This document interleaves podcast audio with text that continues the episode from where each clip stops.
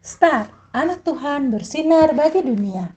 Renungan harian tanggal 2 Juli untuk anak balita sampai dengan kelas 1 SD. Ada hidup baru. Dari 2 Timotius 3 ayat 16a. Segala tulisan yang diilhamkan Allah memang bermanfaat. Mah, Bulan dengar di berita tentang penularan COVID. Bulan jadi takut.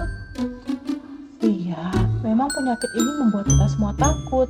Hanya saja ada pencegahan yang bisa kita lakukan. Pencegahan apa itu, Mah? Antara lain 3M. Mencuci tangan, memakai masker, menjaga jarak.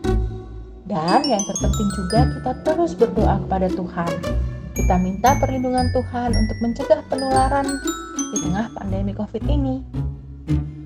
Mama juga sebenarnya takut, tetapi janji Tuhan di Alkitab menenangkan Mama ada di kitab Yesaya 41 ayat 10. Janganlah takut, sebab aku, yaitu Tuhan, menyertai engkau. Apakah adik-adik pernah takut?